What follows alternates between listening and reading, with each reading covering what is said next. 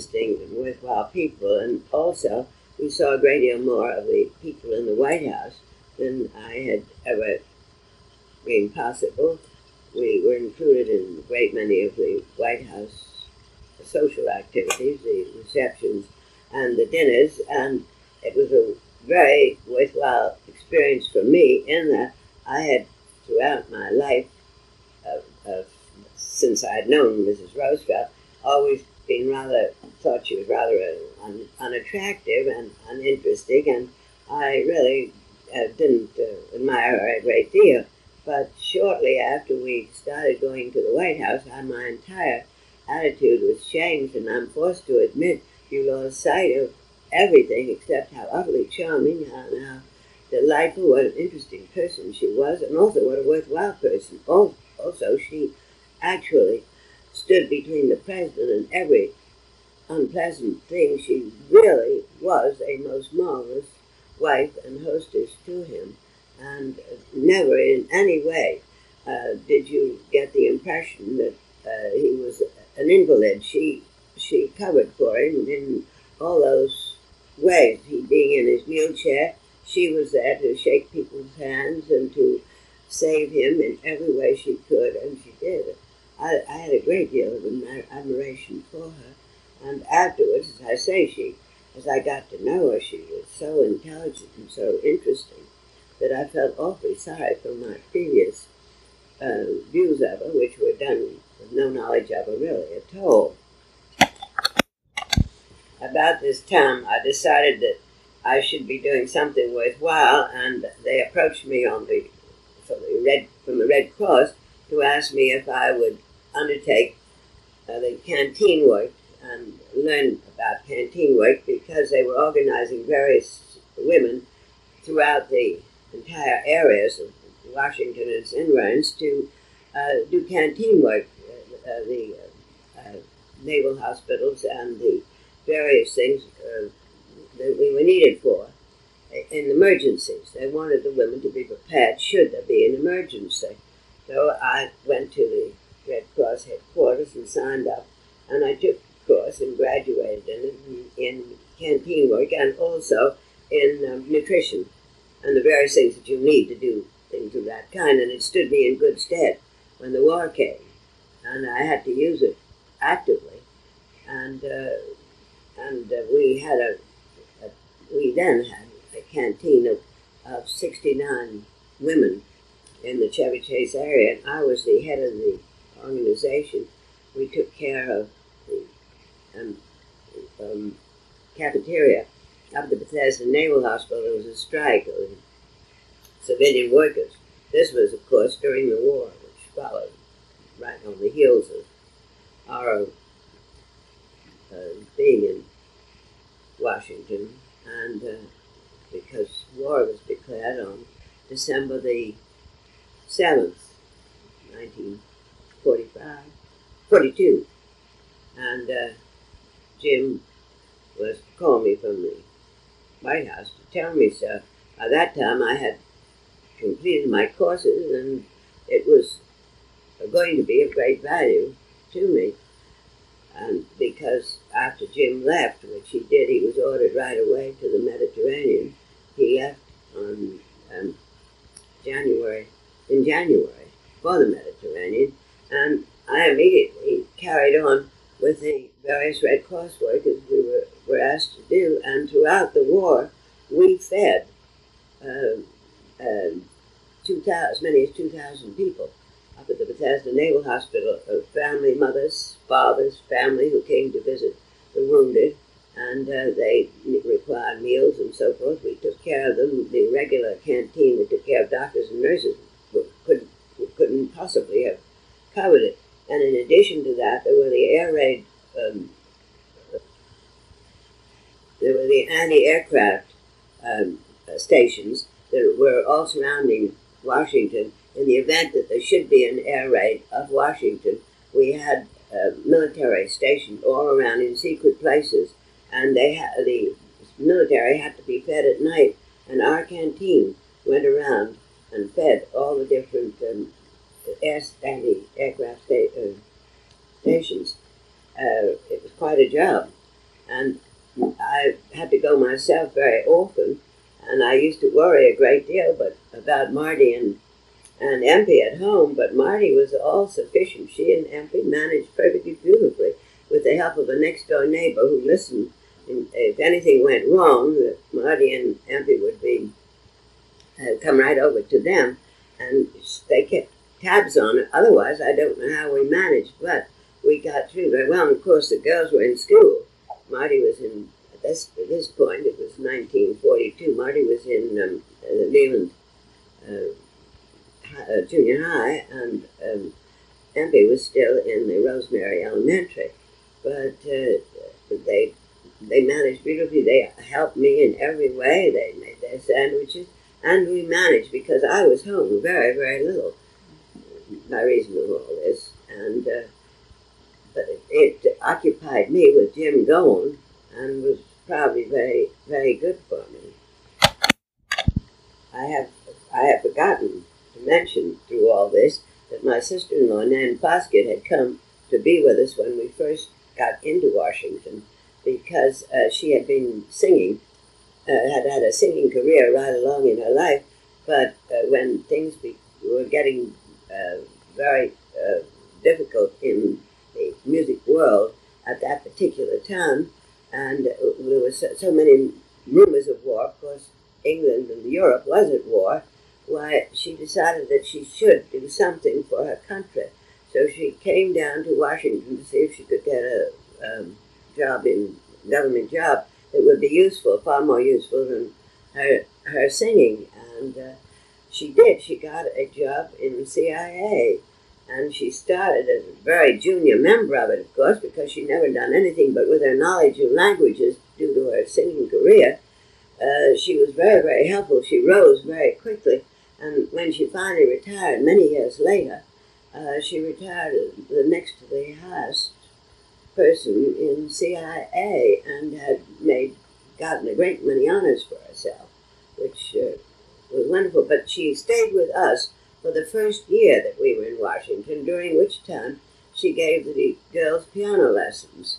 And uh, I'm sorry to say they never availed themselves of this privilege beyond the fact that they would uh, do what she asked them to do because they didn't want to hurt her feelings, but they actually, neither one of them ever pursued the piano afterwards, and I always regretted it because Nan was a real musician and they had an opportunity to do it also, I may add, that a friend of mine had given me her piano, which happened to be a very good one, and it would have been very nice if the girls had availed themselves of all these things, but they didn't. And finally, Nan uh, had to go uh, take a place she felt that would be nearer to her office and where she could be free to come and go at all hours of the day and night. And where we were, it wasn't particularly uh, good for a woman at night, uh, coming home late at night by herself on buses and things. So she took an apartment over in Arlington, Virginia. But we were in constant touch with her. But of course, when the war was declared, she was in CIA. She was not in her own apartment. And there was nobody but the girls and myself up on Aspen Street in Chevy Chase, where we were living.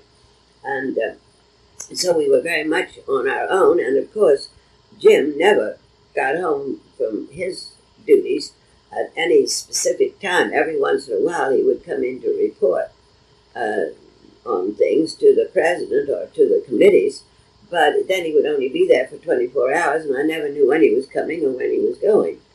But that is, well, this was all, of course, in the future. This, when I first, when we first came to Washington, and this all came up in our second year in Washington. Now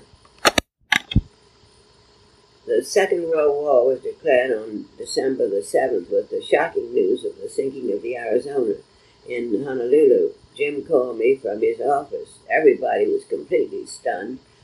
Taken everybody, I'm, I don't know about the president and the, the various committees, but as far as the civilian population was concerned, it was a complete surprise to everyone, and we were particularly distressed because the Arizona had been sunk right at the dock in Honolulu with all hands on board, and some of our very dearest friends went down with her.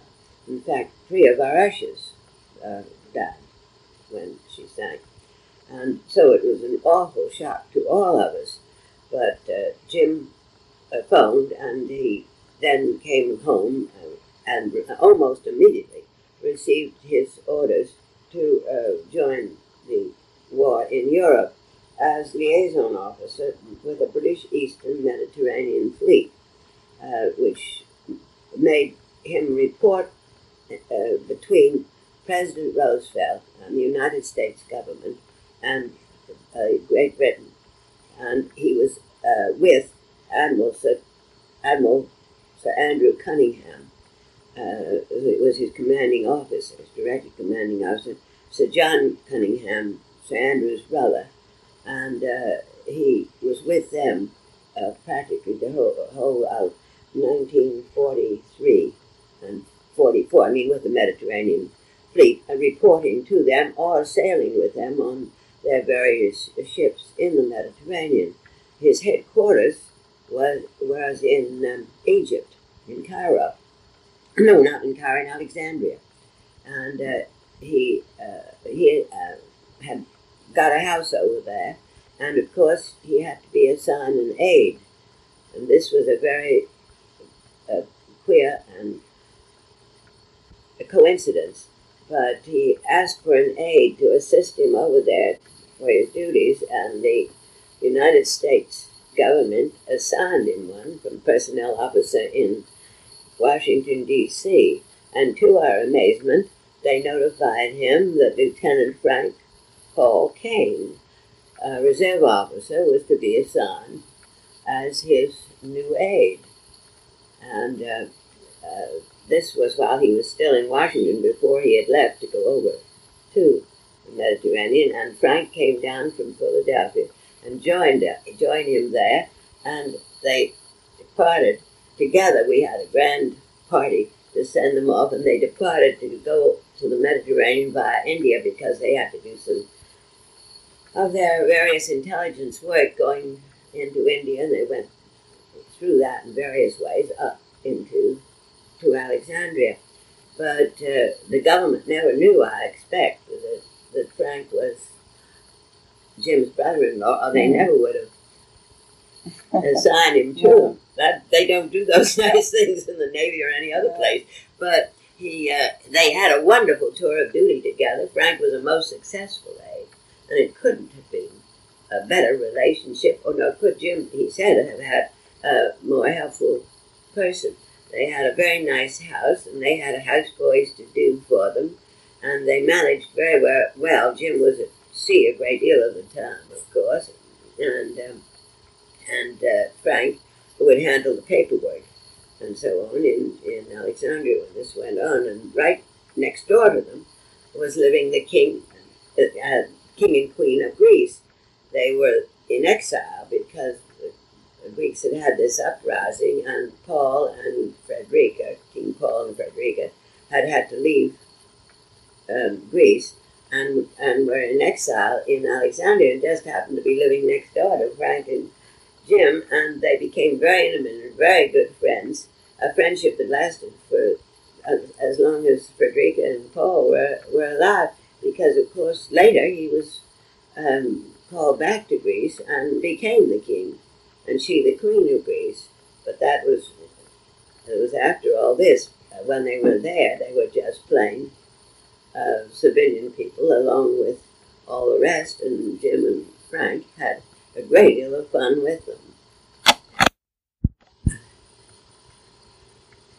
I don't want to give the impression that all the war years were nothing but uh, worrying and thinking about uh, uh, war, war things.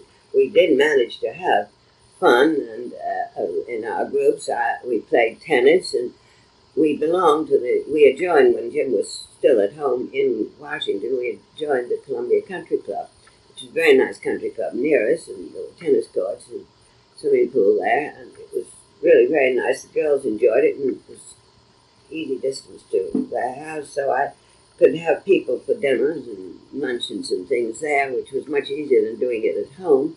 And the country club had was a very nice atmosphere, and so all that was very nice. Also, there were a great many visiting officers, officers that came from other places were coming back and forth to Washington, and when they did, they always called me up and invited me to come and have dinners and things with them, tell me about what Jim was doing, if they'd seen him, and so forth. And you you kept in good contact with uh, both Navy and civilians, and in other ways than just wartime things. One funny incident was that happened was that, was that Jim occasionally, as I've said before, would get home very unexpectedly, but he never knew when he was coming. It was when he had something special to report or something special to take up with the White House, and therefore he never knew, and also uh, were never told because it wouldn't do anybody to know the movements of the government at that, or the Navy, or any any individuals at that time. It was all very hush hush. So I never knew when he was going to show. If he did show, and he didn't show very frequently, but one funny incident that did happen was that uh, one week I got a phone call from Donald Woods, who was who had been Jim's roommate in college in Michigan many years before, and I had met him and his wife Helen several times. Very nice, and we had a very nice relationship with him. Well, Donald came to town on business one time during this regime and called me on the telephone and asked me if I could come down and have dinner at the Mayflower with him. Well, Mayflower in those days was the one of the nicest places to go, and it was delightful being invited to go down to Mayflower and have a meal that I didn't have to think about or cook or do anything myself. So I went down and got myself all dressed up and went down, and it was a delightful evening. Donald was a very good host and a very nice person.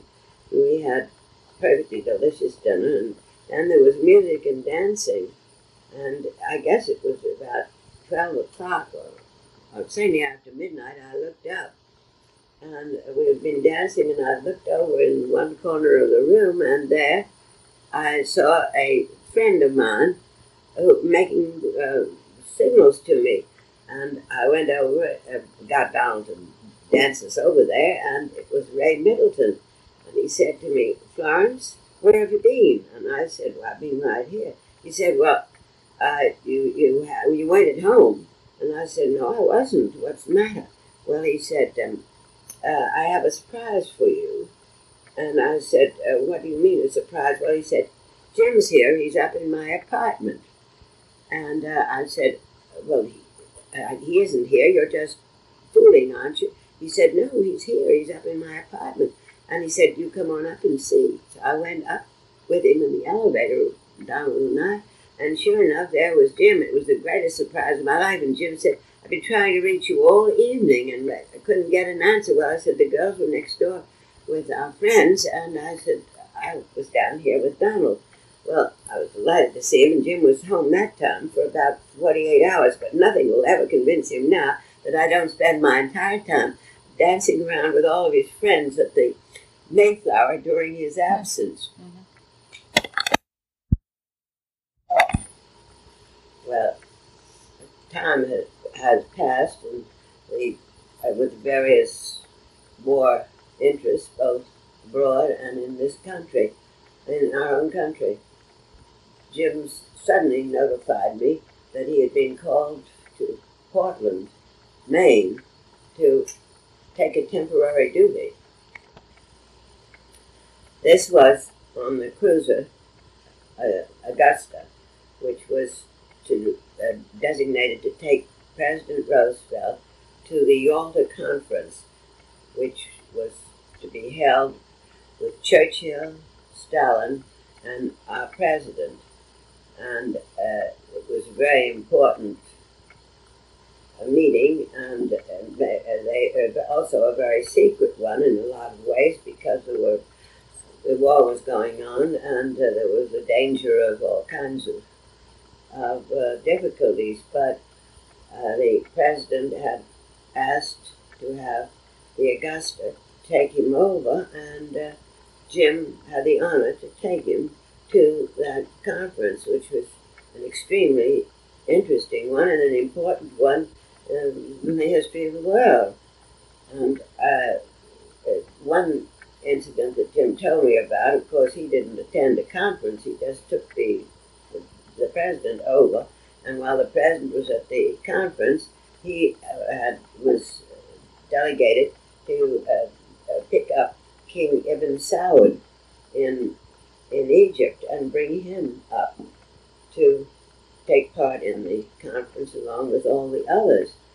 And uh, Jim always told me the story afterwards it was so interesting that uh, on the uh, they couldn't naturally take a cruiser down there, but they took one of the uh, Jim took a destroyer and went up the Nile uh, to get uh, Ibn Saud, and um, when they came, all of them came with their retinue.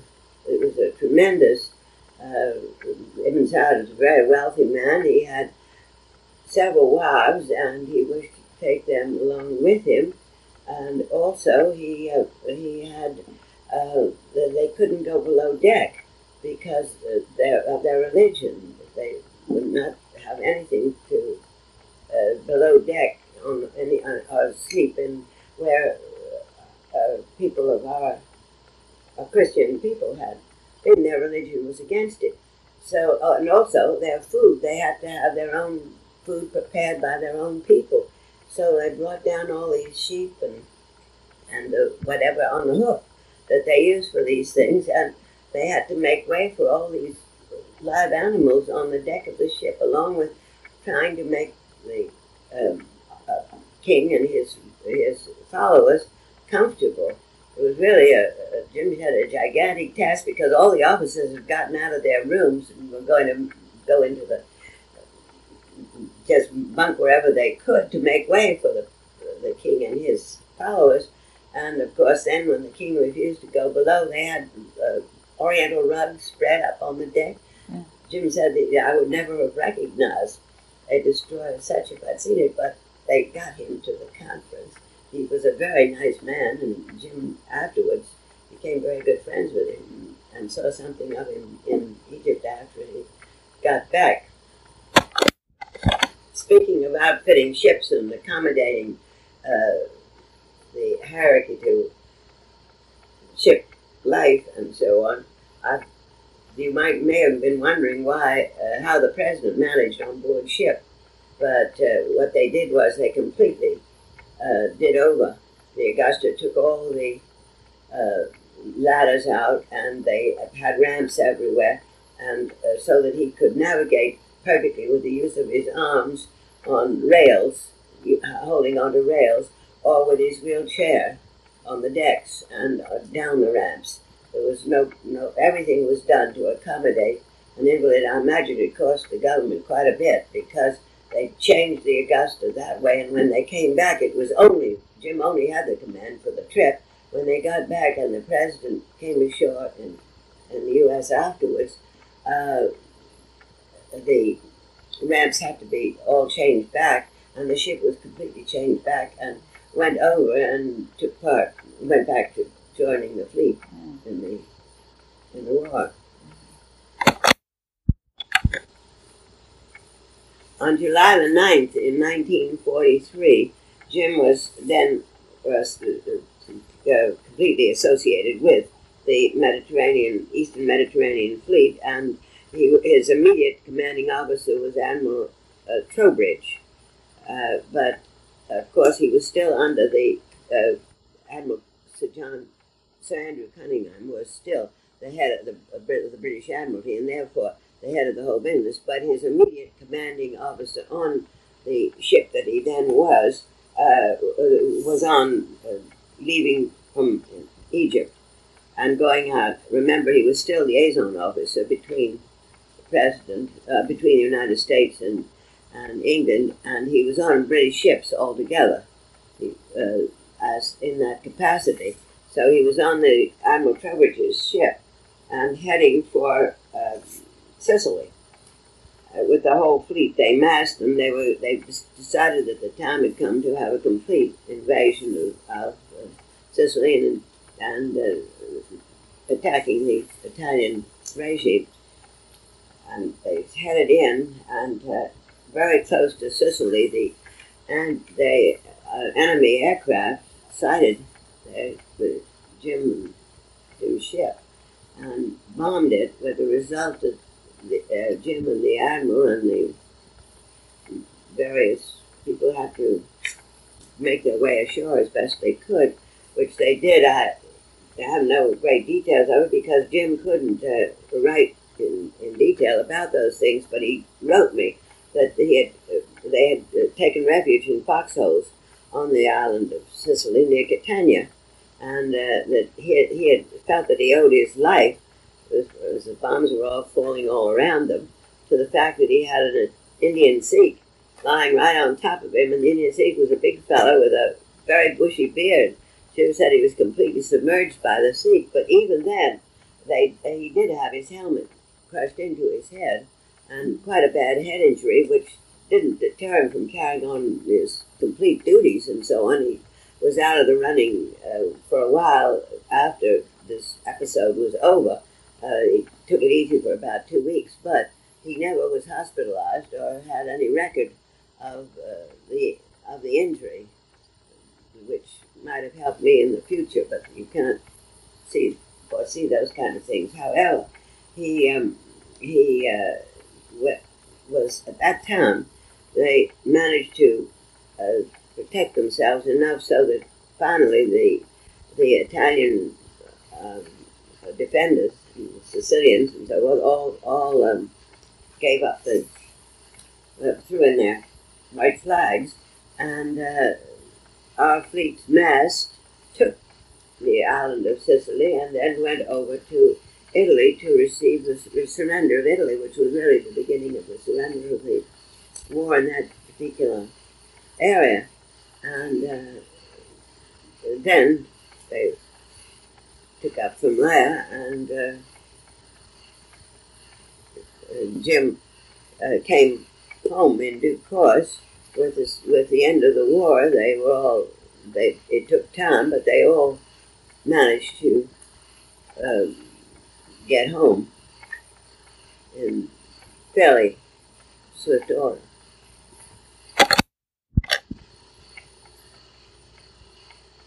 Uh, I, I think, as I look back on it, I believe the way that Jim came home was to bring one of the ships that had been injured in the war. The, the, the Savannah had had its uh, front turret shot away in the war, and uh, they lost 250 men uh, in the in the accident. And Jim was delegated to bring the Savannah home without a bow, and they closed the storm doors. And he said it was a very, very difficult trip because they had no bow on the boat, but they brought it home with the, the uh, just with the storm doors closed, and they brought it home to the Philadelphia Navy Yard to be repaired.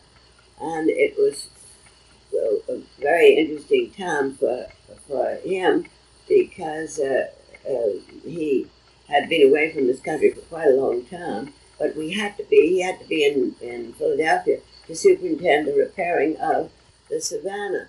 And it was very nice for me because I was able to be with him, and it was in the summer by this time, and uh, it was the summer of 1945. And uh, my mother was up in Rhode Island, and so the girls went up and spent the summer with her, and Jim and I had a very deluxe suite paid for by the United States government in the Warwick Hotel oh, in Philadelphia. we had a perfectly wonderful time, and after the war, of course, everybody was feeling the results of all the difficulties that we had been through, nothing compared to what the Europeans had gone through, but we all of us had been without husbands and with very much broken up lives for uh, uh, the better part of three years. And uh, so it was a great joy to be able to have your husband coming home every night and living a more or less uh, same dream type of life. Also, I was surrounded by all the people that I'd grown up with, and they were all uh, having parties and so forth, because of course my brother had been with Jim too, and Frank was back with his wife and family. And so uh, it was a very, very happy summer for us all, and we spent it going uh, up to Rhode Island to see the family, and also Jim and I had some very dear friends in uh, in Beach Haven, uh, Stephen Stefano and his wife, and they had a beautiful house down there. And we were invited down there every weekend that we couldn't get up to Rhode Island, or get, we were able to be down in Beach Haven. So we had a very happy uh, finale after the war, but we certainly deserved it, I think, because those years of having your husband and your brothers and and all my brothers and and all my friends, of course, were in the thick of it. Why, it was a very nerve wracking time, and we were all ready to relax and have a little fun, which we did. Uh, it was a, it was just before all this, however, before Jim's uh, came home with the Savannah, that we were all very much uh, shocked to hear that uh, um, President Roosevelt had died. It wasn't exactly a shock because he'd been failing very, very much, and at the Yalta conference, he looked. My husband said that he looked absolutely like death. So I don't think anyone was so surprised, but it was uh, very uh, too bad that he died before he could see the end of the war, and uh, he died just before just before the uh, peace treaties were signed between all of the various uh, countries.